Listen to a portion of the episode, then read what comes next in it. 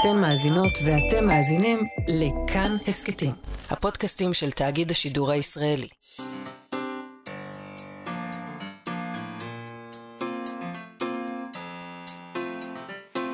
מה שכרוך עם יובל אביבי ומה יעשה לה.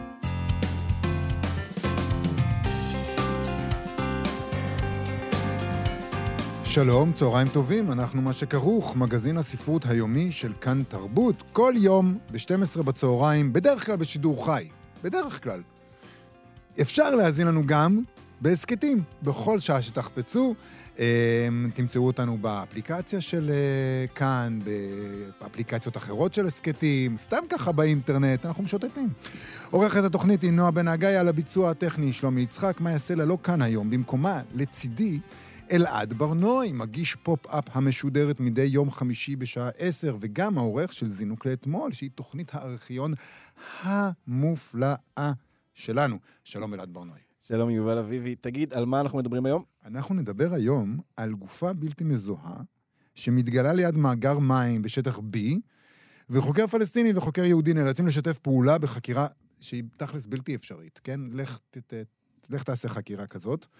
אה, יש להם לחצים סותרים מלמעלה, זאת אומרת, לא רק שהלחצים מהפיקוד הפלסטיני סותרים את מה שהפיקוד הישראלי רוצים, אלא שגם הפיקוד הישראלי לא לגמרי לא סותר את עצמו, וגופים שונים שם סותרים אחד את השני. הם עושים, הם מבינים, הם עושים את זה, זה כמו תיאטרון כזה שהם עושים. חצי מהדברים שהם עושים...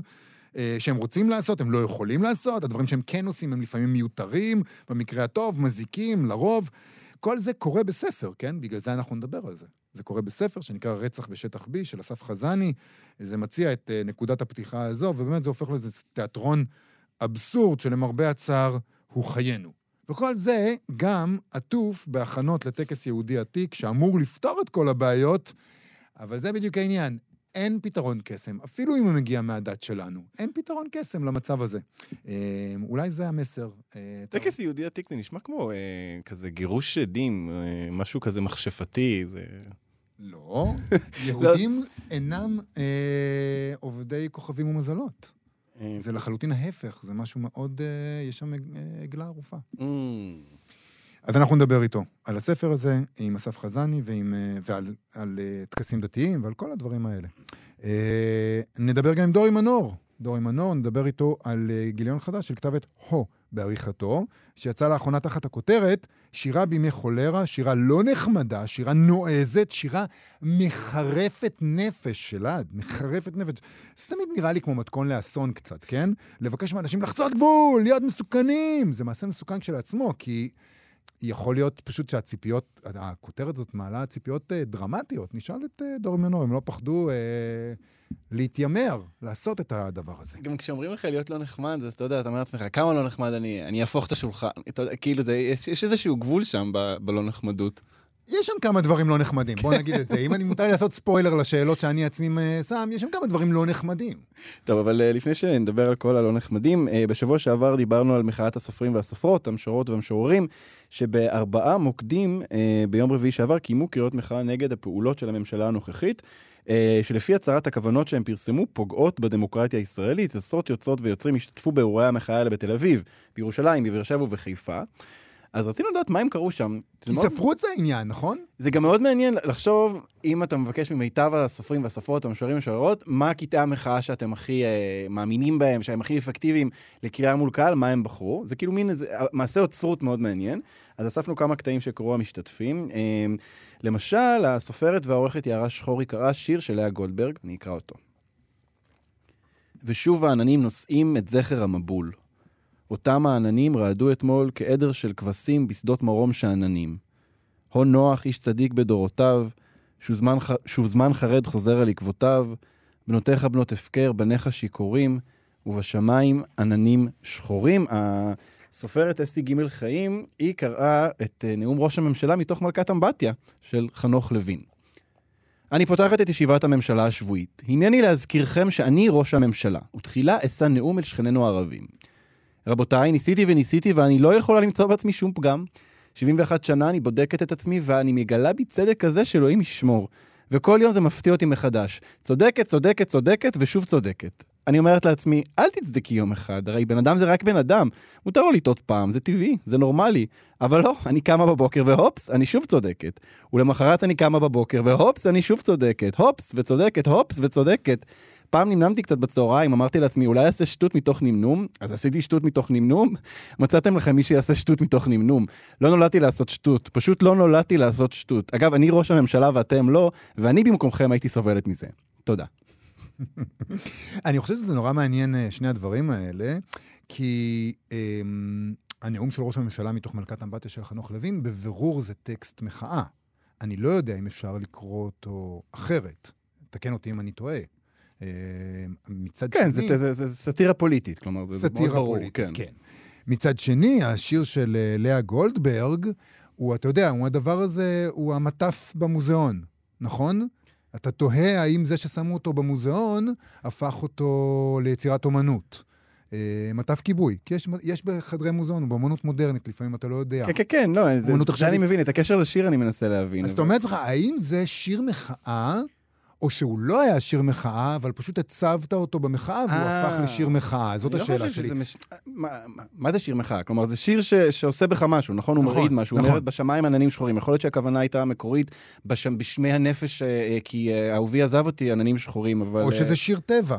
זה יכול להיות הכל, אבל, נכון. כש... אבל אה, באמת בהקשר זה הזה, מה שאני אומר, בהקשר הזה, אה, ניכר... מטף כיבוי. שמטף הכיבוי הזה הפך לאומנות, כי הציבו אותו בגלריה הנכונה, בצורה הנכונה, ואז אתה אומר לעצמך, אה, אה, שאננים, העננים, כבשים, זה אנחנו. אולי, זה מה שניסו להגיד בשיר הזה, אולי. זה מה שלאה גולדברג אולי ניסתה להגיד. יובל, הרגת את השיר. כן, זה מה שאני... הרגת את השיר. אתה לא הרבה פה, אבל זה מה שאני עושה. באים, מביאים יצירת אומנות, אני רוצח אותה, וכשהיא מדממת על הרצפה, אני גם בועט בה. זה התפקיד שלי. Uh, אני אומר, כאילו, גם זה, זה מדבר על מצב שהוא מאוד מאוד uh, שלב, והופך להיות, uh, זאת אומרת, אותו דבר הופך מ- מלהיות מאוד מאוד שלב למאוד מאוד uh, מפחיד. Uh, עננים יכולים להיות לבנים רכים ככבשים, שזה דבר טוב לכאורה, אלא אם כן כבשים זה אלה שמובלים לשחיטה, אבל כבשים זה דבר נחמד, ואז פתאום העננים הופכים להיות שחורים ומאיימים. איך הפרשנות שלי עד כאן? וואו, מוות? אין לי מילים. אז בואו נקרא עוד משהו, עוד טקסט, ניתן לסופרים קצת להגיד את הדברים, במקום שאני אפטפט פה למוות. אה, העורכת אורנית כהן ברק, שהייתה ממארגנות המחאה, אה, בחרה לקרוא את ההקדמה של הספר, העולם של אתמול, של שטפן צוויג, אה, בתרגום של צבי ארד, אז נקרא גם כן את ההקדמה הזאת. מעולם לא ייחסתי לעצמי מידה כה רבה של חשיבות כדי שאתפתה לספר לאחרים את סיפור חיי. התרחשו דברים רבים, רבים לאין שיעור ממנת חלקו של דור אחד במאורעות, באסונות ובניסיונות, לפני שהרהבתי עוז לפתוח בכתיבת ספר שהאני שלי הוא דמותו הראשית, או ניטיב לומר מרכזו. אין לך דבר הרחוק ממני יותר מהצבת עצמי בעמדה מובלטת, אלא אם כן אשמש מעין מסביר בהרצאה המלווה שקופיות. הזמן נותן את התמונות ואני אומר את המילים המלוות, ועל כן לאו דווקא על גורלי יסופר, אלא על גורלו של דור שלם, הדור שלנו, שנשא מטען גורלי שאולי שום דור אחר לא נשא כמותו במרוצת ההיסטוריה. כל אחד מבינינו, עד הקטן והדל, הזדעזע עד מעמקי ישותו מהתפרצויות הגעש שפקדו כמעט ללא הפוגה את אדמת אירופה. ובין הרבים לאין ספור איני יודע לייחס לעצמי אלא יתרון אחד, כאוסטרי, כיהודי, כסופר, כהומניסט, כפציפיסט, עמדתי בדיוק במקום שבו הייתה לרעידת האדמה השפעה עזה ביותר. שלוש פעמים הרסו המאורעות את ביתי וקיומי, עקרו אותי מהעבר ומכל מה שהיה, והטילו אותי בסערתם הדרמטית אל הריקות, אל האיני יודע לאן המוכר לי כבר יפה. אבל איני מתאונן על כך. דווקא בן בלי בית זוכה לחירות במשמעות חדשה, ורק אדם שאינו קשור לדבר, אינו חייב עוד להתחשב בדבר. וכך אני מקווה לעמוד לפחות בתנאי העיקרי של כל תיאור זמנים הוגן, כנות ללא משוא פנים. חתיכת בחירה. כן.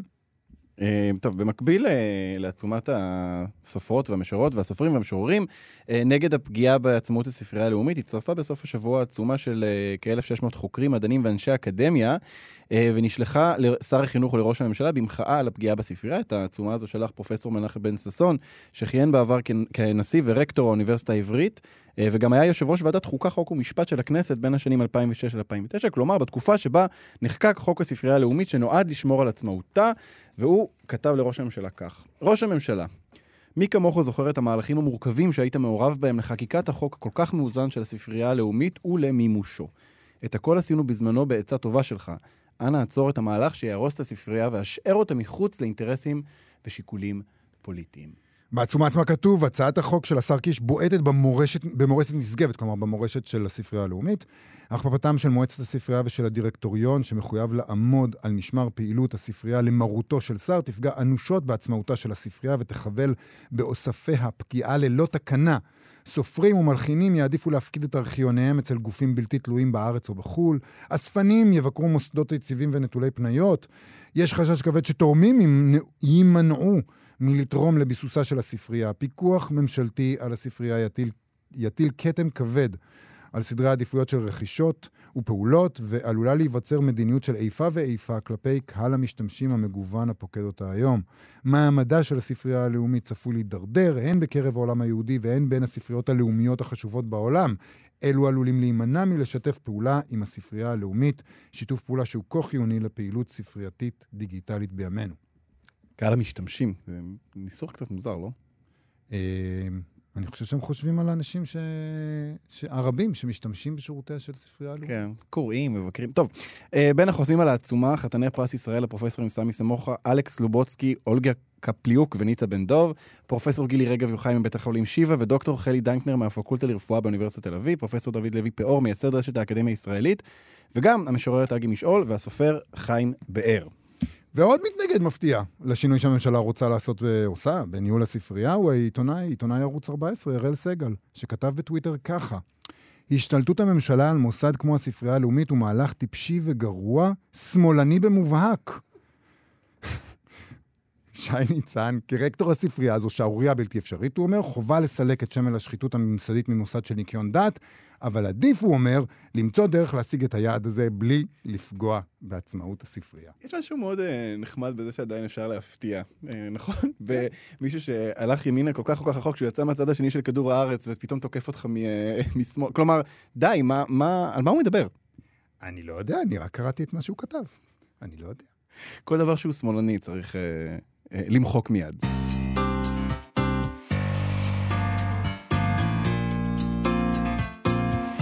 מה שכרוך בכאן תרבות, חזרנו היום לצידי אלעד בר נוי. עוד רגע הם יפשיטו אותו מבגדיו, יגלחו את שיער ראשו וישליכו את גופתו אל תוך הבור. רק מאוחר יותר הם יתפללו. ככה נפתח הספר רצח בשטח B של אסף חזני, שיצא לאחרונה בהוצאת עברית. מי יתפלל ובאיזו שפה, אנחנו לא יודעים. מי הנרצח שמושלך לבור, אנחנו לא יודעים. אנחנו כן יודעים שהגופה בתוך הבור הזה, שנמצא בשטח B, אקס-טריטוריה שהיא לא פה ולא שם, פצצה מתקתקת. השאלה אם הפצצה שהונחה במערכה הראשונה תתפוצץ במערכה השלישית. עד שנגלה, אנחנו נכנסים לתיאטרון הביטחון של הסכסוך הישראלי-פלסטיני. חוקר ישראלי וחוקר פלסטיני נאלצים לשתף פעולה בחקירת המקרה הזה. כשלאורכה מופעלים עליהם לחצים סותרים ולא הגיוניים, ובמקביל מקדמים מעל לראשם קיום טקס דתי עתיק שאמור איכשהו לפתור את הכל. אסף חזני הוא אנתרופולוג, מחבר הספר קניון, עז... עז... קניון עזאזל, שעוסק במאבק על המרחב בין הישראלים לפלסטינים, בעיקר בשטחי C, דרך תופעת טיולי וסיורי הג'יפים במרחב. שלום, אסף חזני. צהריים טובים. בוא נתחיל רגע עם הטקס, עגלה ערופה. ככה מתחיל הספר. מה, מה זה הטקס הזה? למה שמת דווקא אותו במרכז, ה, במרכז העניינים?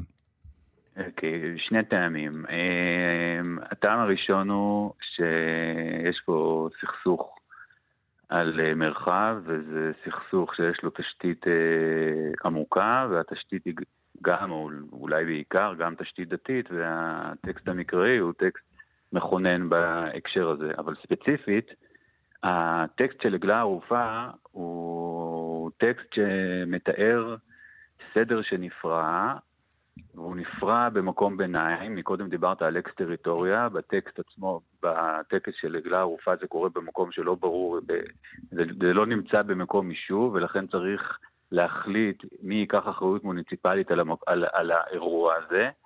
וכל הטקסט הזה, שכל, שלכאורה, אם הייתי עושה עליו ויקיפדיה, הייתי כותב, הייתי אומר שזה טקסט שתפקידו לקחת אחריות על האירוע, השיא שלו זה המשפט המכונן שאומר ידינו לא שפכו את הדם הזה, אנחנו לא אשמים. זאת אומרת, כל לקיחת האחריות מתמצאת בזה שאנחנו לא אשמים ואפשר להחזיר את הסדר בחזרה על כנו. דרך אגב, משפט אחרון לדבר הזה, מה זה הסדר על כנו? הסדר על כנו זה שאם אנחנו, שמה שמרתק בטקסט הזה, שכתוב כי יימצא חלל באדמה, לא משנה מי זה החלל, הוא לא חשוב, חשוב לדעת מי זה הרוצח, כי אז אפשר לדעת האם אפשר להמשיך במעגל נקמת הדם כי זה היה במזיד, או שאפשר לסגור את הסיפור הזה. אז אני חשבתי שבהקשר של הסכסוך, הסיפור הזה של אחריות, אשמה, אמ, והמרחב, והמרחב ביניים הזה הוא מרחב שגם הוא חלק מנחלת אבות. אה, אני רוצה לשאול אותך, אנחנו יודעים, אני לא עושה ספוילר, אנחנו יודעים שמפתיחת הספר זה נועד לכישלון, כי ידיים די גסות וחסרות זהירות מנהלות את זה, ובעלי הידיים האלה, זה גם אה, נוכח בתחילת הספר, לא ישלמו את המחיר על הכישלון, הם יתקדמו לדבר הבא. אה, אני אחזור רגע לתשובה הקודמת. מה ש... אם אה, בטקסט, המקר... בטקסט המקראי, ואז אני אחזור למה ששאלת עכשיו. אם בטקסט המקראי אה, המטרה היא לאפס את המערכת מחדש, אז אני חושב שגם ב... בסוף של הסיפור שנרקם במוח שלי, אה, אנחנו מאפסים את המערכת מחדש. מה הכוונה מאפסים את המערכת מחדש? אנחנו חוזרים לוודאות. יש uh, קורבן ברור, יש מי שגורם לקורבן, זאת אומרת מי שרוצח, ו... ואז הכל בסדר, זאת אומרת, לא פחות משנה המחיר של זה, כי, יש מי שמח... כי המחיר של זה זה שיש קורבן לדבר הזה, אבל המערכת טיפסה את עצמה. המערכת טיפסה את עצמה, אפשר לחזור לסכסוך כמו שאנחנו רגילים. אסף, אתה בראש שלך יודע אה, של מי הגופה הזאת? אתה, יש לך אה, פתרון שני, לגבי זה? אני, יש לי, לפעמים אני מספר לעצמי שהגופה היא של... של, שהיא גופה של פלסטיני, ואז באמת אירוע שהבלש הפלסטיני נדרש אליה, ולפעמים אני מספר לעצמי שזה גופה של יהודי. אני ממש חי את שני, את שני הסופים הללו, ולא לא, לא הצלחתי להכריע.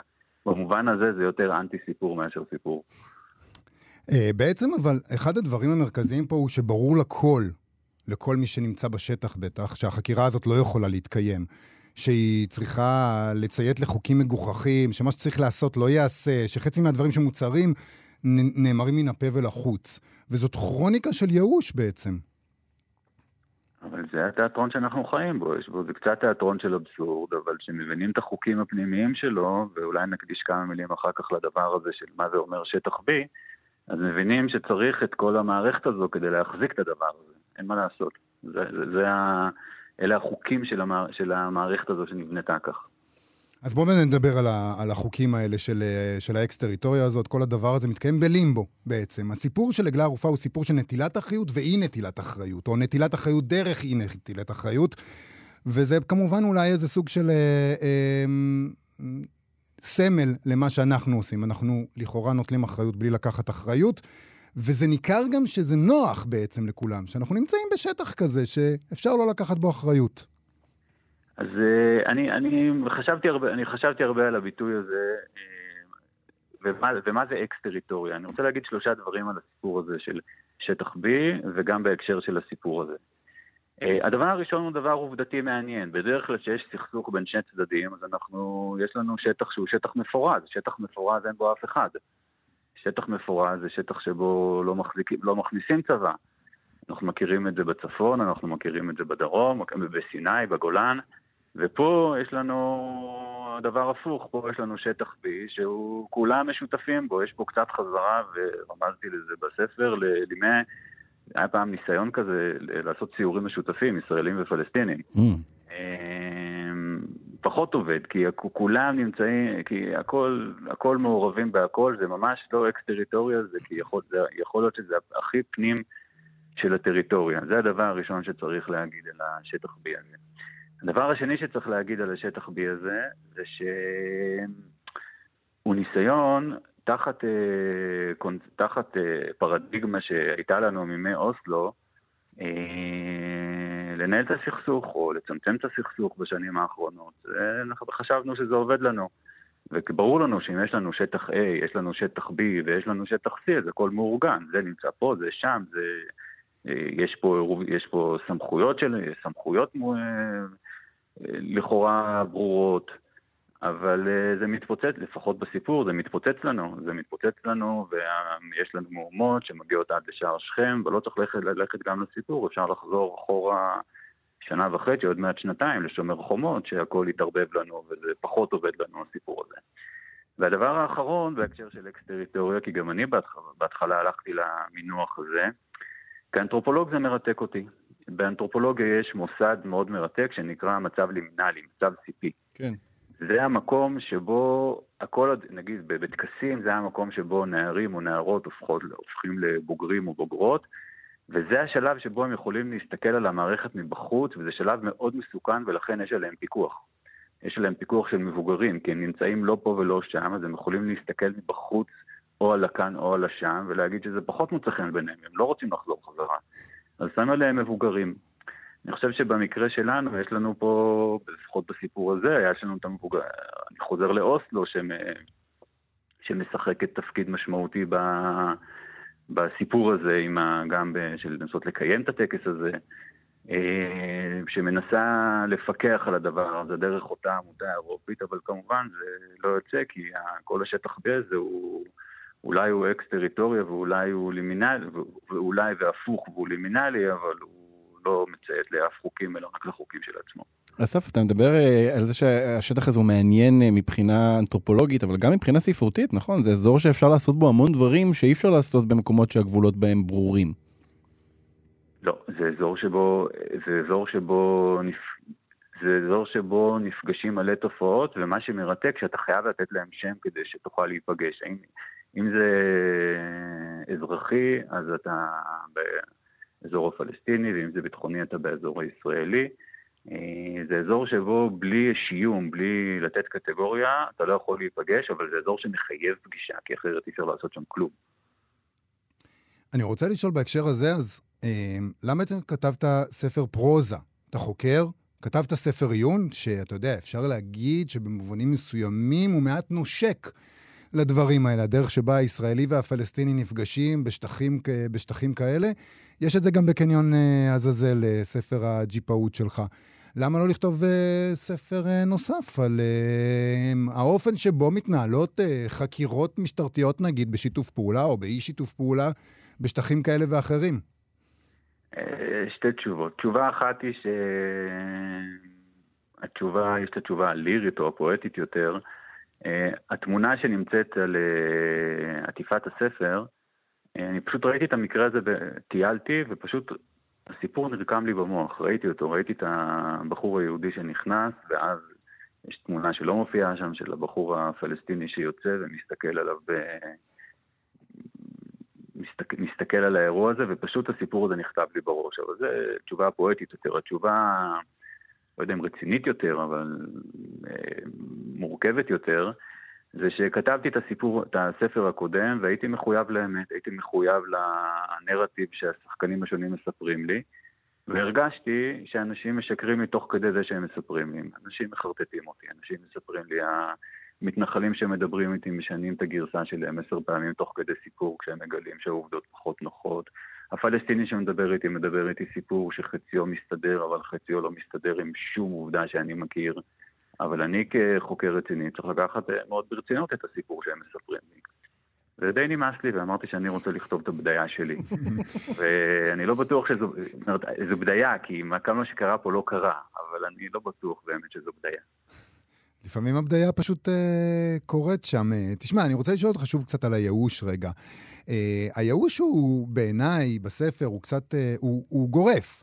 כי אתה מציע פה אופציה ביטחונית, נכון? מציע פה אופציה פוליטית, מציע פה אופציה שאיזה ארגון אה, מלמעלה, הומניסטי, מבחוץ, יבוא ויכפה עלינו את הפתרון. אתה מציע לנו אפילו את הדת, שפעם עשינו בה שימוש כדי להגיע אה, לפתרון של הדברים האלה. זאת אומרת, אף אחד מהפתרונות האלה לא יעבוד. שום דבר לא יעבוד פה במקום הזה. יש את חוק המקום. חוק המקום הוא שכמאמר השיר, האזרח הקטן ישלם בגדול. אה, זה החוק הראשון, אבל כשמסתכלים על המערכת כולה מזווית מערכתית, אז אני חושב שבסוף אה,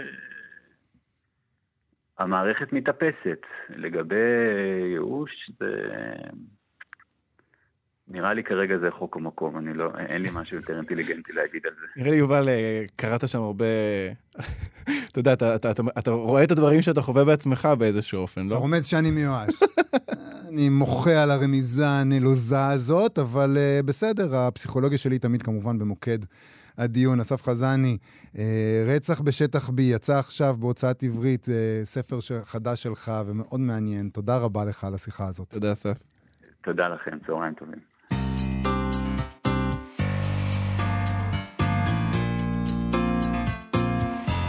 מה שכרוך בכאן תרבות, חזרנו היום לצידי אלעד ברנועי, שתדעו או לא, הוא גם בחר את המוזיקה להיום. חבל, חבל שהמאזינים לא יכולים לראות את הפרצוף שלך בזמן שהשיר הזה התנגן, באמת שיר פספוס. נפלא, שיר נפלא, תודה שבחרת אותו בשבילנו. במחזור השירים הקצר, תחת הכותרת "כולם מתחשבנים עם אימא", שנכלל בגיליון האחרון של כתב העת הו, כותבת המשוררת אורית נוימאייר פוצ'ניק, הלוואי שתמותי, כך בפשטות. כבר דמיינת את זה לבד. יש מיליון דרכים למות, הלוואי שתמותי, כך בפשטות. אני מזכיר, הכותרת היא כולם מתחשבנים עם אימא, זה הכותרת של השיר. נדמה שזה שיר שתואם את ההנחיה ששלחו אורחי הגיליון הזה למשתתפים. הם ביקשו שירה לא נחמדה וגם פירטו. שירים מחרפי נפש הם ביקשו מהמשתתפים, שירים שלא הייתם מעזים להראות להורים. זו הצהרה נועזת, כמעט מסוכנת, שאחריה צריך אה, להגיש קבלות. האם באמת הצלחת להיות חסר תקדים? האם הצלחת לעמוד בסטנדרט הפרוע ומותח הגבולות שהתיימרת לו? אז ננסה לברר אם עשו את זה עם המשורר והעורך דורי מנור, עורך כתב העת, אה, הו, שיוצא לאור בהוצאת הקיבוץ המאוחד. שלום דורי מנור. שלום, שלום. מפחיד אה, להצהיר כזאת הצהרה, לא? שירה בימי חולרה, שירה לא נחמדה, שירה נועזת, שירה מחרפת נפש. אה, לא, לא... מפחיד מאוד, מלחיץ, אבל אתה יודע מה, אה, בעצם זו הגדרה אה, לכל שירה טובה. כל שירה טובה היא. מחרפת נפש, כן, ממש ככה. כל שירה טובה היא לא מתנחמדת. כן, אבל אל תתחמק, אל תתחמק, אל תתחמק. אני רציתם ממש משהו... לא מתחמק. רציתם ממש לא משהו, אני- אה, משהו אה, קצת יותר עוקצני, נגיד, אה, או הרבה יותר נכון. עוקצני. נכון, נכון, נכון. אנחנו בעצם באנו ואמרנו, חלק גדול מהשירה שמתפרסמת היום בארץ, קצת אה, עושה נעים בגב. חלק גדול מהשירה שמתפרסמת היום בארץ, קצת מתנחמדת מדי, קצת אה, קורצת ככה לקוראים, לפייסבוק, לדודה, או לדוד. ואנחנו באנו ואמרנו, לא, לא זה מה שעושה שירה. מה שעושה שירה זה בדיוק אה, הרגע הזה שבו אה, שירה היא מחרפת נפש, שירה היא לא מנסה להיות נחמדה, לא מנסה ללטף ולעשות נעים בגב. הרגע הזה שבו משורר בעצם עומד, עומד מול הקולקטיב ומנסה ליצור שפה חדשה, שיש בה כמובן גם אה, נושאים אה, בוערים, נושאים כאובים, נושאים אה, חריפים ומושחזים, אבל קודם כל אני חושב שזה בא לידי ביטוי במישור הלשוני. קודם כל, לא לקחת כמובן מאליו את השפה. לעשות משהו חדש בעברית. זה מה שחיפשנו. כשאני קורא שיר, סיון בסקין ואני, עורכי הגיליון, כשאנחנו קוראים שיר שנשלח אלינו, זה מה שאנחנו מחפשים. מישהו שהשירה שלו מתנגדת באיזשהו אופן לשפה, מתנגדת כמו התנגדות חשמלית, כן? מאוד בעד השפה, אבל לא השפה הקלישאתית. אז אולי נקרא שיר, תקרא לנו, אה, תקרא לנו איזה שיר, שנבין אה, מה עשיתם פה. או לפחות חלק. אז אני אקרא שיר של משורר אה, שאני חושב שמעטים מאוד מהמאזינים שלנו מכירים, וזה בדיוק הרעיון. משורר צעיר, משורר שלא פרסם כמעט, ושאנחנו ככה בפינצטה אה, אה, שלפנו את שיריו ואומרים, אה, הלו, תשימו לב, יש כאן משורר אמיתי. ואני מדבר על אה, אה, אוהד אוחיון, אה, ש... מה שהוא כתב כאן זה דבר uh, פשוט uh, כל כך עז. Uh, אני מתנצל מראש בפני המאזינים התמימים, כן, אנחנו ב, ביום uh, חול רגיל, אבל uh, צריך, uh, צריך לשמוע מה זו שירה. אוקיי? חזקה ומחרפת נפש. אז ממש כמה שורות כי השיר הוא ארוך. אוקיי? יתגדל ויתקדש אבי החי, שחמק בזיפי אשמורות חורפיות מהמיטה, שעליה יצקני, וינדסני ברחם אמי, אל מיטות נערות מדיפות ריח אקזוטי, ולהן מקלעת שדיים, פריחה וחמימה, ותפרחת חלבית לגופן. יתגדל ויתעדש אבי החי, ששעט אל המרגנית הבתולית שבין רגליהן, וחרט בקרנית אישוניו קונטורים של שנאה ואבל, בעת ששיחקתי בבובות ברבי עם שיער בלונדי סטור וגולש, שגופן מקושט בשמלת תחרה ורודה, כמו לוטוס שט על אגם, כמו ששט הדחי במבטו הקצוף, הנכלם. יתגדל ויתקדש הרב, שנהם מעלי כגרזן, והניף עולל שיועד להתגדל, ולהתקדש, ולהתברך, ולהיטהר, ולהזדכך בזו חברות של התבל הזו. יתגדלו ויתגדשו המורים מבית הספר, שזרעו ובזקו ונסחו חת ורטה וכילו מורה וכלימה בנפש הנער. טוב, וזה ממשיך, הוא ממשיך בעוצמה הזאת, ואני פשוט אה, מעריץ את היכולת לחרף כך נפש. אוהד אוחיון, שהוא בחור שחי בחצור הגלילית, והוא פשוט משורר נפלא. זה מעניין אה, ש... טוב, זה ברור על, מה, על השיר הזה, אבל זה, אה, על מה השיר, אבל זה מעניין שגם כשאנחנו חשבנו על מה אנחנו נקרא מתוך חירוף הנפש, אני ואתה, שנינו בחרנו אה, סגירת חשבון עם אה, הורים. מעניין, נכון, נכון. זה אולי הדבר המחרב... קצת באשמתנו, אני חייב להגיד. סליחה? קצת באשמתנו, באשמה... קצת באשמת uh, הקול הקורא שלנו, אני חושב. כן. בעצם אנחנו אמרנו, שירים שלא הייתם מעזים להראות להורים. נכון. אז אתה אומר... נכון, אז היו כאלה שלקחו את זה לכיוון של סקס, שזה סבבה, אני מאוד בעד סקס, ואני מאוד בעד שירה של uh, תשוקה ש... שכותבת, אבל uh, לא, זו לא הייתה הכוונה המרכזית. הכוונה באמת הייתה... Uh, לא לכתוב את המובן מאליו, לא מה שההורים נורא נורא ככה ישמחו לקרוא בעיתון. אז אתה מרגיש לא. אבל שבעצם, ברגע שאמרתם את המילה הורים, לא להראות להורים בפנייה, אז אנשים אמרו, אה, הנה הזדמנות לסגור חשבון עם ההורים שלנו, ולכולנו יש חשבון עם הורים, אני... נכון, בטוח. לכולנו יש חשבון עם הורים, וזו באמת כללית, אני חושב שכל משוררת וכל משורר אה, אי פעם, כי הרי משוררים זה יצורים שבאים אה, מ... לא יודע, מכוכב אחר. תמיד איכשהו לא, אה, לא יוצאים כ... זה, זה לידת עכוז משורר, תמיד. כל משורר, כל משוררת, לידת עכוז למשפחתו. ואני חושב שעל אחת כמה וכמה בתקופה הזאת, ואני מדבר אה, לגמרי ברמה אפילו הפוליטית, אני חושב שיש לנו חשבון לסגור עם הדור שמעלינו. אה, הדורות שמעלינו, חשבון מאוד מאוד רציני לסגור איתם. וההורים הם המייצגים הכי מיידיים של, ה, של הדור שהביא את המדינה הזאת למה שהיא עכשיו. כן, למרות שזה, צריך להגיד, זה משהו שהוא די אה, על זמני, אני חושב, לא? הרצון נכון, הזה לשבור, נכון, אה, לסגור נכון, חשבון נכון, עם ההורים, זה נכון לכל דור. אתה צודק, אני אומר באותה נשימה, כל משורר סוגר חשבון עם ההורים בהגדרה, כן. בעצם כל אומן אמיתי. אבל עכשיו איכשהו התחושה היא שיש לנו חשבון ספציפי מאוד עם הדור שמעלינו. אני רוצה לשאול אותך, אה, דורי, אתה דיברת מקודם על זה שהשירה היום היא מאוד אה, מתנחמדת, פייסבוק וכן הלאה, אבל צריך גם להגיד, גם לשירים האלה אה, יכולה להיות חיות מאוד מאוד רבה ברשתות, דווקא בגלל שהם גוררים תגובה מאוד מאוד מהירה, נורא ברור כזה, אתה יודע שזה משהו שהוא, גם כשזה מייצר שפה חדשה, זה בועט וזה חריף וזה כל הדברים האלה, זה נכון, אבל זה כן מייצר תגובה מאוד מיידית, זה לא שירה שהולכת באמצע, זה שירה שהיא גם מגיעה... באיזשהו אופן היא, היא, היא שירת clickbait כזאת, היא, אתה, בא לך להיכנס, בא לך ללחוץ, בא לך להגיב לזה. נכון. אז תראה, אתה יכול להגיד שזה נהדר, ואני אומר, זה גם נהדר. נהדר מהבחינה הזאת שהשירה היום הרבה יותר פופולרית ממה שהייתה לפני פייסבוק. הרבה הרבה יותר. אני זוכר את התקופה שלפני פייסבוק, עד 2000 אה, ואני יודע, 6, 7, שירה הייתה אומנות די נידחת בסופו של דבר, והיום כל כך הרבה לייקים, כל כך הרבה שיתופים, כל כך הרבה התייחסויות, כל מיני, אבל אז צריך לעצור ולשאול, אבל מה מצליח? מה תופס בפייסבוק? אז כן, יש עניין של בייטים, זה בייטים, זה פשוט אה, עניין של... אה, לפעמים בטעות זה גם שירים מצוינים. כן, אני לא בא ואומר כל שיר שמצליח בפייסבוק הוא שיר מחורבן, זה לא העניין. פשוט כן אני מרגיש אולי שבאיזשהו אופן הרשתות מושכות אותנו בדיוק לזה, זה נחמד או זה לא נחמד, לקצוות נכון, כאלה, נכון, נכון. בסוף זה לא יהיה גיליון על פרחים, כי, uh, כי פרחים, אתה יודע, זה, זה, פחות, זה פחות מושך, אין מה לעשות. תראה, מה שהולך בפייסבוק מעולה זו שירה וידואית. כן. שירה של התוודות. תמיד, תמיד, תמיד, כן, uh, מישהו עשה לך משהו, אתה כותב על זה, uh, זה, זה מצליח כי זה מרגש. כן. עכשיו, זה מרגש, זה יכול להיות מרגש, וזה יכול להיות שיר נפלא ומרגש, וזה יכול להיות שיר גרוע ומרגש. אבל פייסבוק לא כל כך עושה את ההבחנה הזאת, ובשביל זה כתב יד כמו הו בא ואומר, אנחנו, התפקיד שלנו בחיים בעצם זה לברור מה מתוך זה טוב ומה פחות טוב, כי פייסבוק זה, זה דבר נפלא, אבל אין בו עריכה. אין בו עריכה. אין בו סלקציה בין, בין יצירה טובה ליצירה לא טובה, ו, אה, וזה בדיוק המקום שבו אנחנו נכנסים. תשמע, כשדיברת על חשבון, אה, נפ... אה, על חשבון עם ההורים ועל הדור הקודם ועל הדרך שבה אנחנו קוראים את הגיליון הזה עכשיו, צריך להגיד שבפתח הדבר שלכם אתם מבהירים שכל הגיליון הזה נהגה לפני שבועות והחודשים האחרונים שבהם לפ... חלק ניכר מהעם יצא למסע מחרף נפש על אמת, לא בשירה.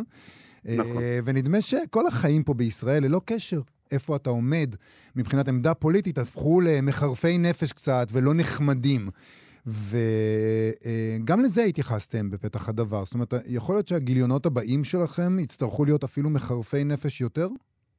בוודאות. בוודאות, אני רואה מה קורה בארץ, כולנו רואים, ואי אפשר להתעלם מזה בכתב עת. אני לא יודע מה מזה יישאר בעוד עשר שנים, בעוד חמישים שנה באנתולוגיות, אבל אנחנו כתב עת, אנחנו צריכים לייצג את ההווה גם. ובוודאי, אני בטוח שעכשיו נכתבת בישראל שירה, גם פרוזה, שמתייחסת לדבר, לדברים האלה, ומתוכה יש אה, שירה מצוינת שאנחנו נרצה לפרסם, ואנחנו גם בהחלט באופן יזום נתייחס לזה, בוודאי. אז אה, לפני סיום נקרא, תקרא לנו עוד שיר אחד מתוך אה, הגיליון מחרף הנפש הזה. אוקיי, טוב, מאוד מאוד התלבטתי, כי יש כאן, יש למשל מחזור של נפלא שכתבה שרון אה, אה, רמר ביאל מפיה, מפיהן בעצם, של עובדות, אה, מה שנקרא עובדות זרות, היא מאוד לא אוהבת, ובצדק, את ההגדרה הזאת.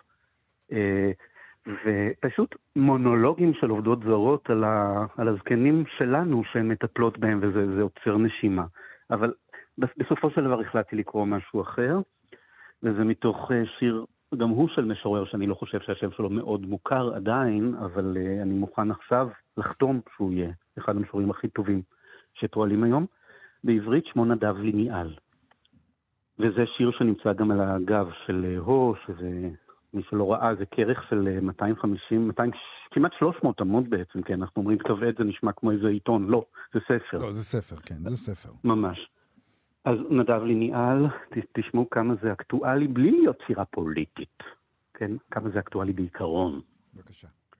מעלינו עית, גופו קולב שחור, ועליו טלית תכלת, ושולי האור בקצה הענן. מעלינו עית, עינו זכוכית מגדלת. היום כמונו קופח. ומעלינו שנינו האור, ומעל שנינו השמש. והחרדה התלויה מעלינו, שכל זה יום אחד יישרף, שכל זה יעלה יום אחד באש. נדב ליניאל. כן. דורי מנור, שירה בימי חולרה, לא נחמדה, נועזת, מחרפת נפש, בגיליון הו החדש בעריכתך. תודה רבה לך על השיחה הזאת. תודה, דורי. תודה רבה.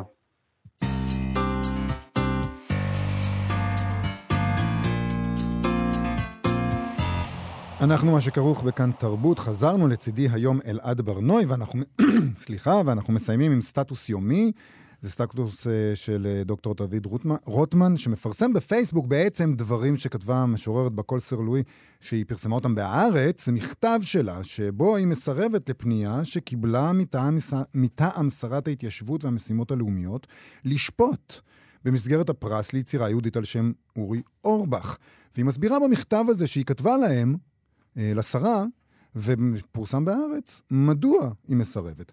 בכל צלוי היא משוררת, יש את חינוך וספרות, היא כלת פרס יהודה עמיחי לשנת uh, 2022, היא מבקרת ספרות ושירה במוסף שבת של העיתון מקור ראשון. Uh, על השאלה מדוע היא פרסמה דווקא בהארץ, ולא בעיתון שבו היא כותבת באופן סדיר, מקור ראשון, היא ענתה לנו שלחתי למדור הדעות של מקור ראשון, העיתון שלי במרכאות, אך לצערי חגי סגל לא רצה לפרסם, זה העורך של העיתון הנוכחי, ביקשנו את תגובתו, אבל הוא העדיף לא להגיב.